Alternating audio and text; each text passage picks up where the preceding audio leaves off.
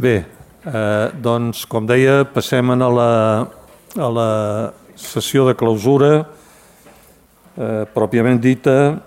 Eh, primerament em pertoca dir quatre coses, realment molt, molt breus, eh, adreçades en el conseller, perquè en definitiva és adreçades al, al govern de, de Catalunya,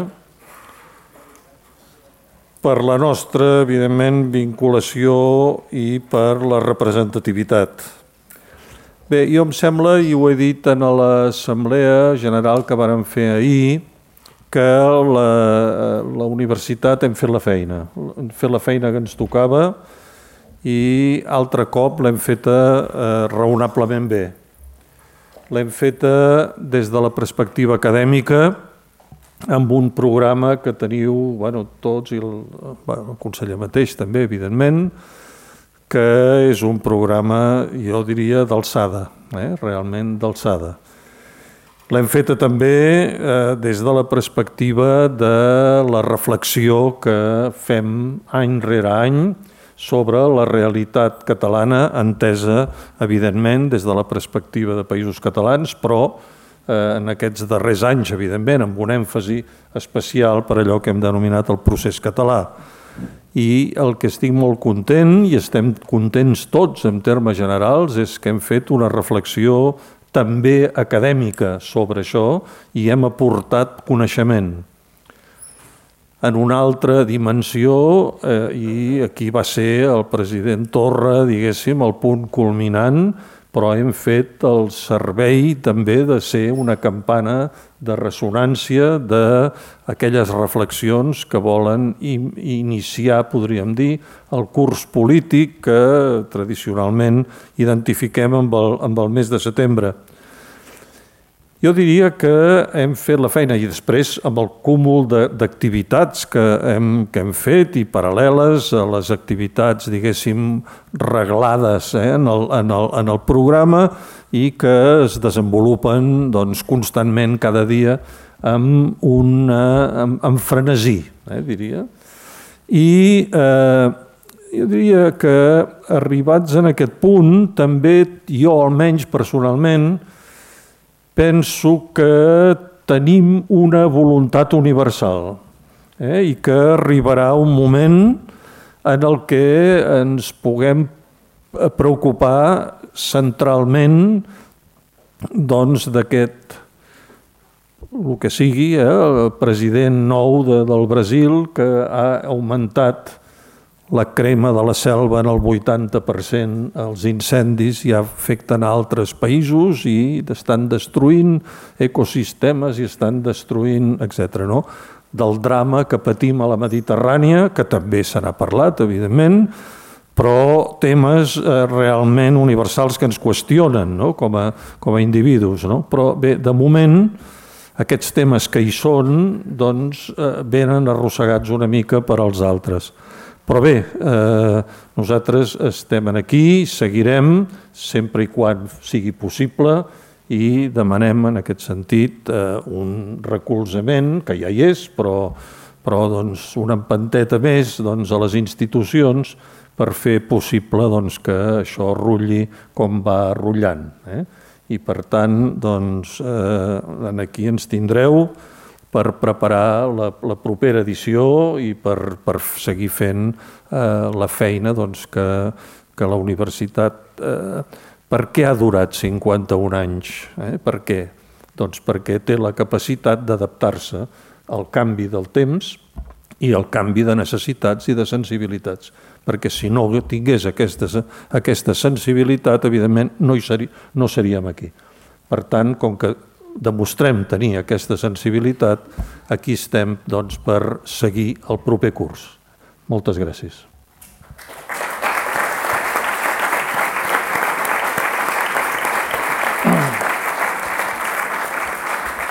I ara passo la paraula a la senyora Magdalena García Vidal, consellera departamental de la costa de Salanca del Consell Departamental dels Pirineus orientals i bellesa de Sant Hipòlit. De Sant Hipòlit. Moltes gràcies. Honorable senyor conseller, senyor president, autoritats, senyores i senyors, amigues i amics. Avui em toca representar el Consell Departamental, màxima institució política local a Catalunya Nord. Amb aquest motiu, em permetreu excusar la presidenta Hermelina Malherbe, en Nicolás Garcià, que té la, la delegació de la catalanitat, absents i que m'han demanat d'excusar-los i representar-los, el que faig amb molt de ple. Benvinguts a la República de la Llibertat i del Bon Humor. Així solia començar el seu curs d'història del cinema Miquel Porter i Moix, el que va ser rector de la Universitat Catalana d'Estiu entre el 1996 i el 2001. L'Universitat Catalana d'Estiu, aquest espai de llibertat, de reflexió, d'estudi, que cada any és un èxit. L'UCE, la punta de llança, l'observador dels països catalans. Aquí, d'ençà de més de 50 anys, han passat intel·lectuals, estudiosos, polítics, gent d'arreu del món, amb opinions diferents, amb visions diferents, però que, en general, s'acorden en el que necessitem. I ho reprèn el cartell d'enguany, necessitem un alè nou, un alè d'Europa. A l'hora en què el món viu tants canvis, tantes incerteses, deguts al canvi climàtic, deguts a la pujada de la xenofobia, del racisme, del rebús de l'altre, en aquest moment hem de ser forts i hem de tirar endavant junts per una societat justa i democràtica. Com a consellera departamental vaig formar part dels qui vam donar i seguim donant suport als qui vareu participar en un acte d'expressió democràtica. Vam donar i donem suport a qui vulgui fer valer els drets fonamentals, la llibertat d'opinió i la llibertat d'expressió tan malmesa avui. I això no és pas neutre dir-ho en aquestes terres on va néixer la pau i treva de Déu, on van néixer les Corts, primer Parlament i on, arran de la Revolució, va ser el país qui va decretar la fi dels privilegis i va proclamar els drets de l'home. No descuideu pas, tampoc que en aquest raconet de país, fa 80 anys, molts es van exilar, i particularment aquí a Prada, amb Pau Casals, el mestre Pompeu Fabra, entre tants altres anònims. Com posa el cartell d'enguany, necessitem una llei d'Europa. Però de quina Europa? La que prefereix les finances a l'humà? La que no pot prendre decisions perquè han de ser per unanimitat? La que no sap gestionar crisis migratòries? La que tanca els ulls davant d'una crisi major a Espanya, la del Brexit? Senyores i senyors, crec que la llei ha de ser una llei d'esperança, una llei de llibertat. Nosaltres, els catalans, tenim la llei llarg. Com per la pau i treva de Déu, de la qual parlava abans, hem de difondre per tota Europa, per tot el món, que som gent de pau. I així podrem escriure una nova pàgina de la nostra història. Estiguem segurs, totes i tots, reunits aquests dies a Prada, que l'Universitat Catalana d'Estiu en serà un punt de referència. Permetin, per acabar, que amb motiu de l'any Simone Gai faci un paral·lel amb un poema seu que diu Veia amb goig verdader la pàgina nevada, calia aquesta nit pel crit d'alba gemada. Omplint junts aquesta pàgina nevada perquè visqui la democràcia, visqui la llibertat, visqui l'Universitat Catalana d'Estiu. Moltes gràcies.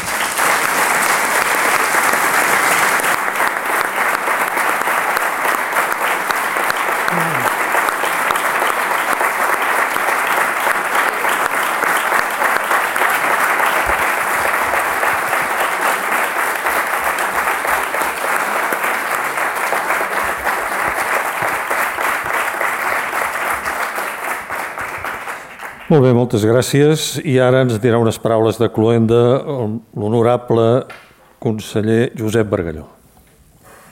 Gràcies. Consellera departamental, una regidora, delegat del govern, president del SAC Català d'Estiu, permeteu que comenci enllaçant amb l'acte anterior, amb el lliurament del Premi Canigó al Vicent Olmos, eh, per diversos motius.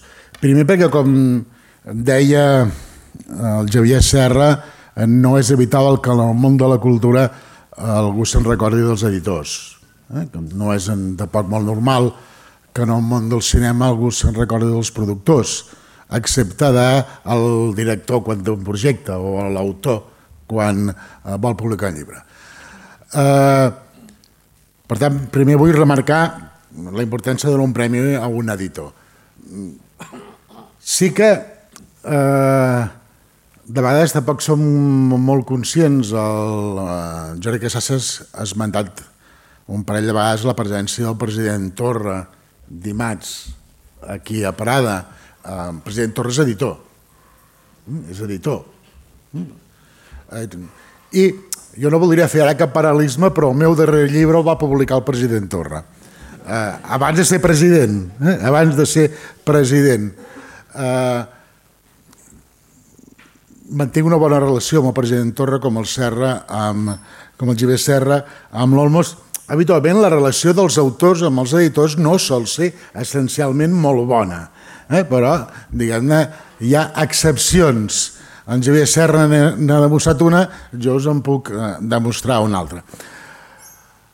Segurament el fet de que un editor fos en el seu moment, Max Kanner, conseller de Cultura del Govern de la Generalitat i segurament un dels consellers de Cultura de millor record perquè va haver-hi un abans i un després del que significava la política cultural institucional en la presència del Max Kanner eh, en el govern de la Generalitat. El fet que ara un editor sigui el president de la Generalitat eh, vol dir eh, que segurament el pes de la cultura en el nostre món institucional és, si més no pel que fa la representació, superior del que és habitual en el context occidental. Això a vegades tampoc se sap ben bé si és un elogi o no ho és.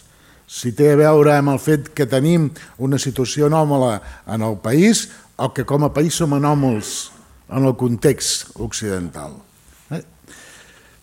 Però també voldria remarcar el lliurament del Premi Canigó al Vicent Olmos no només pel fet que és eh, un editor, també pel fet que és valencià. Uh, justament una de les significacions de l'Universitat Catalana d'Estiu és precisament aquesta, i ho ha remarcat també uh, la Magdalena García Vidal, la bellesa Sant Hipòlit i la consellera departamental Sant Hipòlit. Uh,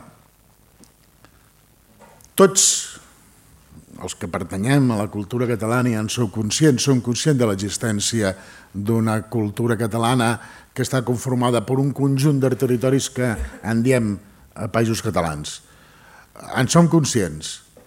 Uh, intel·lectualment, sovint no ho som per acte, sovint no ho som per acció. Justament els que, per, els que vivim allò que ens deia el Principat de Catalunya, la Catalunya estricta, eh, que eh, som els menys conscients habitualment d'aquesta existència real a l'hora de les nostres accions. Ens és molt fàcil eh, parlar de la cultura catalana i oblidar-nos de l'existència de la resta de territoris. Ens és molt fàcil. Ens és molt fàcil. Jo, per exemple, voldria agrair en aquest sentit a la consellera departamental un fet que ella ha subratllat, però que normalment en som molt poc conscients també, que és que el Consell Departamental dels Pirineus Orientals ha estat, ha estat la institució dels altres territoris dels països catalans que més clarament ha expressat el seu suport al president de la Generalitat a l'exili i als membres del govern de la Generalitat a l'exili o a la presó.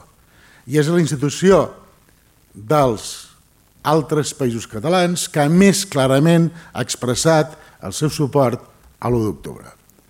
Ho dic perquè habitualment eh, tenim certa consciència també que políticament la Catalunya del Nord ens és el territori més allunyat, els que som de allò que és el Principat de Catalunya o la Catalunya estricta. Eh, una de les virtualitats del ser català estiu és això, és posar damunt la taula aquestes contradiccions del que és eh, el nostre supòsit teòric amb el que és la nostra acció diària. I per tant, insisteixo, un agraïment al Consell Departamental dels Pirineus Orientals, que ha fet allò que no ha fet el govern balear o allò que no ha fet el govern del País Valencià, o allò que no ha fet el Parlament de les Illes o allò que no ha fet el Parlament eh, de, del País Valencià. I és bo. Per tant, eh, reconeixo-ho i reconeixo a més a més en un acte d'aquesta, diguem-ne, certa facilitat que ens permet la Universitat Catalana d'Estiu. Deia que era bo que el Vicent hagués tingut el premi, no només com a editor, també com a valencià. Però fins i tot també com a valencià aquesta roja. És a dir, per recordar-nos també als catalans estrictes i els de la Catalunya del Nord i els, de, i els valencians, eh, que la, la realitat és, és, és de tot el territori i que es pot fer un excel·lent, es pot tenir un excel·lent editorial eh, fora de la Catalunya estricta, però es pot tenir també un excel·lent editorial fora de la ciutat de València. I aquí, aquí són tots elements. Per cert, nota a peu de pàgina, el Vicent Olmos no, ni se'n deuen recordar, però el que és una de les editorials acadèmiques afers més importants que hi ha en els països catalans, jo tinc alguna cosa publicada en algun dels llibres eh, que afers publica d'altres universitats, eh, d'un congrés celebrat a la Rovira i Virgili que es van publicar les actes afers jo era del comitè científic i vaig fer alguna ponència surt publicada. I és un altre element a destacar, és a dir, un editorial de Catarroja pot esdevenir l'editorial acadèmica de referència per aspectes d'història a totes les universitats dels països catalans, no només de les més properes. Aquest era un dels elements que volia subratllar primer del, del Premi Canegó, que jo, per tant, he de felicitar a Vicent Olmos ara públicament el, el lliurament i reconèixer-li els mèrits, però perquè em servia també, insisteixo, per remarcar el que és la Universitat Catalana d'Estiu. La Universitat Catalana d'Estiu, les seves 51 eh, edicions, ha fet de tot. Ha estat una universitat acadèmica, eh, que això eh, ho hem de subratllar, ha estat una universitat acadèmica, a més a més, que durant molts anys ha servit per posar en debat elements nous d'aspectes de la sociologia, de la historiografia, de la filologia, dels estudis literaris eh, i també d'estudis de caràcter científic, no tant els tecnològics, però que ha servit eh, per aquest aspecte acadèmic, però també té una altra virtualitat de canal d'estiu, eh, que és dels pocs llocs on aquesta consciència de països catalans es du a la pràctica científica, es du la pràctica acadèmica, es du la pràctica a l'anàlisi, i és també l'inici del curs polític, perquè el president de la UCE deia que l'inici del curs polític és a setembre, l'inici del curs polític és a Prada, fa 51 anys. En el començament, perquè el curs polític eh, gairebé començava i acabava a Prada, eh, en el començament, després perquè per qüestions de calendari doncs és tot al finals de les vacances i l'inici del, curs, del curs polític. El curs polític és un curs molt complex i ara eh, tornem, a, tornem a fer allò que no hem de fer, és a dir, parlaré jo estrictament de la, eh, de, de la Catalunya de les quatre províncies de Barcelona, eh, perquè bé, el curs polític és molt diferent als altres territoris, però el que fa el curs polític a la Catalunya estricta eh, és un curs polític que comença aquests dies a Prada, eh, que no és fàcil. no és fàcil per una cosa que també comentava el Vicent Olmos. Jo ahir la tarda, eh, ahir era festa major del Catllà, no del Catllà d'aquí dalt, sinó del Catllà del Tarragonès. Eh? Era Sant Nicasi, la festa major del Catllà, està molt a prop de casa i a més a més jo tinc família al Catllà. I vaig anar al Catllà, però no de festa major, perquè vaig anar a la presó. Ah, és això, no? és el que deia el Vicent Dolmos, doncs és això. Jo hi vaig anar ahir, que era festa major al Catllà, eh, no vaig anar al Catllà de festa major. I no vaig anar al Catllà de festa major perquè vaig anar al Catllà, però vaig anar no a casa dels meus familiars, sinó a la presó. I vaig anar a la presó perquè hi ha una amiga. I ja vaig anar a la presó perquè hi ha una companya filòloga.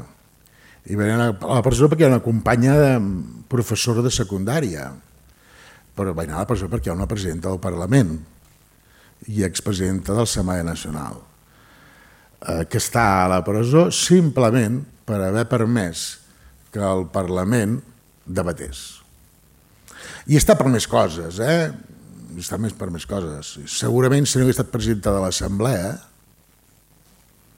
i hagués estat potser només president del Parlament, potser no hi seria, perquè altres membres de la mesa del Parlament no hi són Clar que això vol dir que hom pensa que la justícia espanyola té criteris lògics.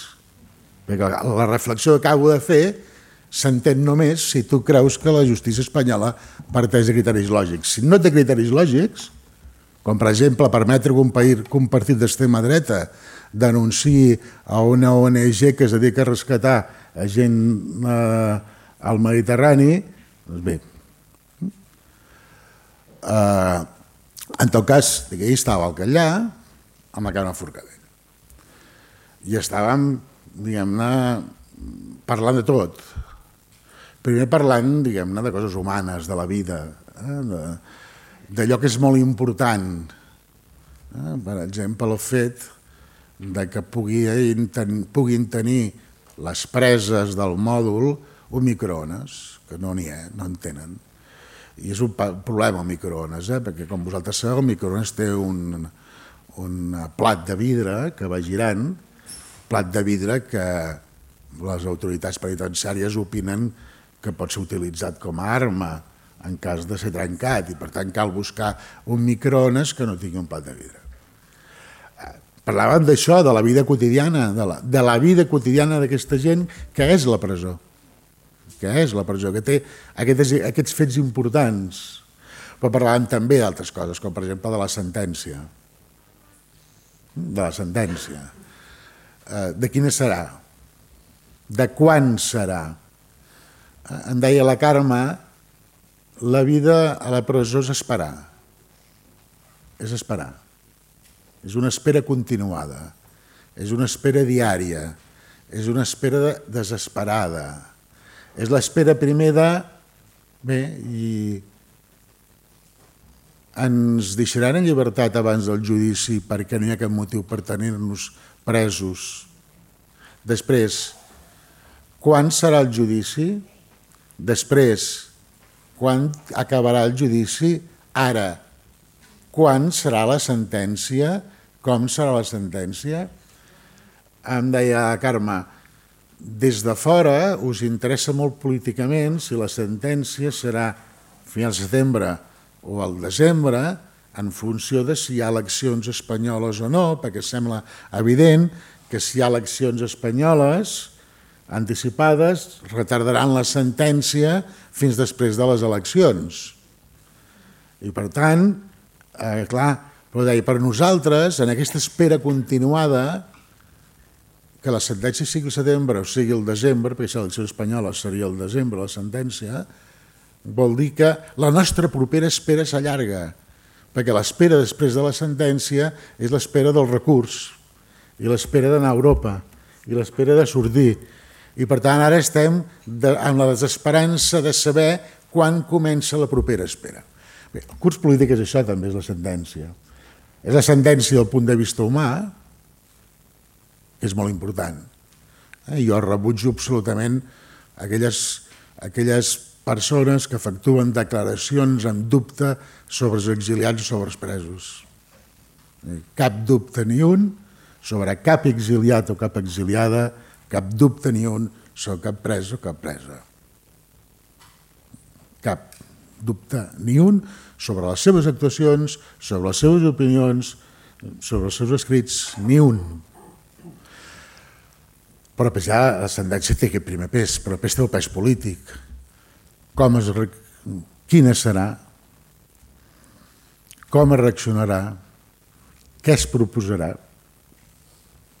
Bé, jo en tot cas, eh, com que tenia poc temps ja m'he allargassat, em sap greu pels companys i les companyes periodistes, però no diré massa més cosa en aquest sentit, però de cas és evident que la resposta a la sentència que les propostes polítiques del proper curs polític tenen dos elements fonamentals que no són indissociables. Un és una resposta ha de ser una resposta clara, ha de ser una resposta contundent, ha de ser una resposta de confrontació, no d'acceptació, no d'acceptació. L'única sentència que es pot acceptar és l'absolutòria per tothom, que diguem-ne no sembla previsible, i per tant oblidem-nos-en, per tant la sentència no es pot acceptar, per tant hi ha la confrontació evident perquè no pot ser d'altra manera, perquè qui es confronta amb tu només pot tenir la resposta de la teva confrontació pacífica, democràtica, institucional i al carrer, però una confrontació que només pot tenir un, un objectiu, que és el diàleg per l'acord, per fer un pas més. Uh, són dues qüestions que estan que no són indissociables, que, pot, que, que van absolutament juntes, que van absolutament juntes. No rebrem el diàleg des de l'acceptació i la confrontació ens ha de dur a un acord final i definitiu. Un acord perquè allò que deia la consellera departamental, perquè el dret a l'opinió, el dret a l'expressió, el dret a la decisió, puguem exercir un altre cop de manera definitiva. Perquè no pot haver-hi cap racó del món, ni cap territori d'Europa que no pugui exercir el seu dret d'opinió, el seu dret de lliure d'expressió i el seu dret. I mentrestant, doncs, el treball acadèmic, el treball polític, el treball institucional, constant i diari. Em feia, i acabo, el president de, de l'UC unes certes peticions de suport, eh, que no penseu ara que ens hi amaguem. Jo ja he participat, en, enguany m'he especialitzat en fer clausures de l'UC, perquè és la segona clausura de l'UC que em participo. Vaig participar a la de Manresa, que, que es va fer al mes de juliol. En tot cas, és evident que el secret de l'estiu té la sort de tenir el suport d'institucions dels territoris dels diversos, de diversos dels territoris dels països catalans, no de tots els territoris, però de diversos territoris. Però és evident també que per molts motius la Generalitat de Catalunya ha de ser la institució en la qual recaigui diguem-ne, l'esforç més important d'aquest suport. En som absolutament conscients per molts motius. Eh? I evidentment que la UC el té eh, i el tindrà. El té i el tindrà a Prada i el té i el tindrà a qualsevol altre lloc dels, dels països catalans on vagi fent activitats com la de Manresa.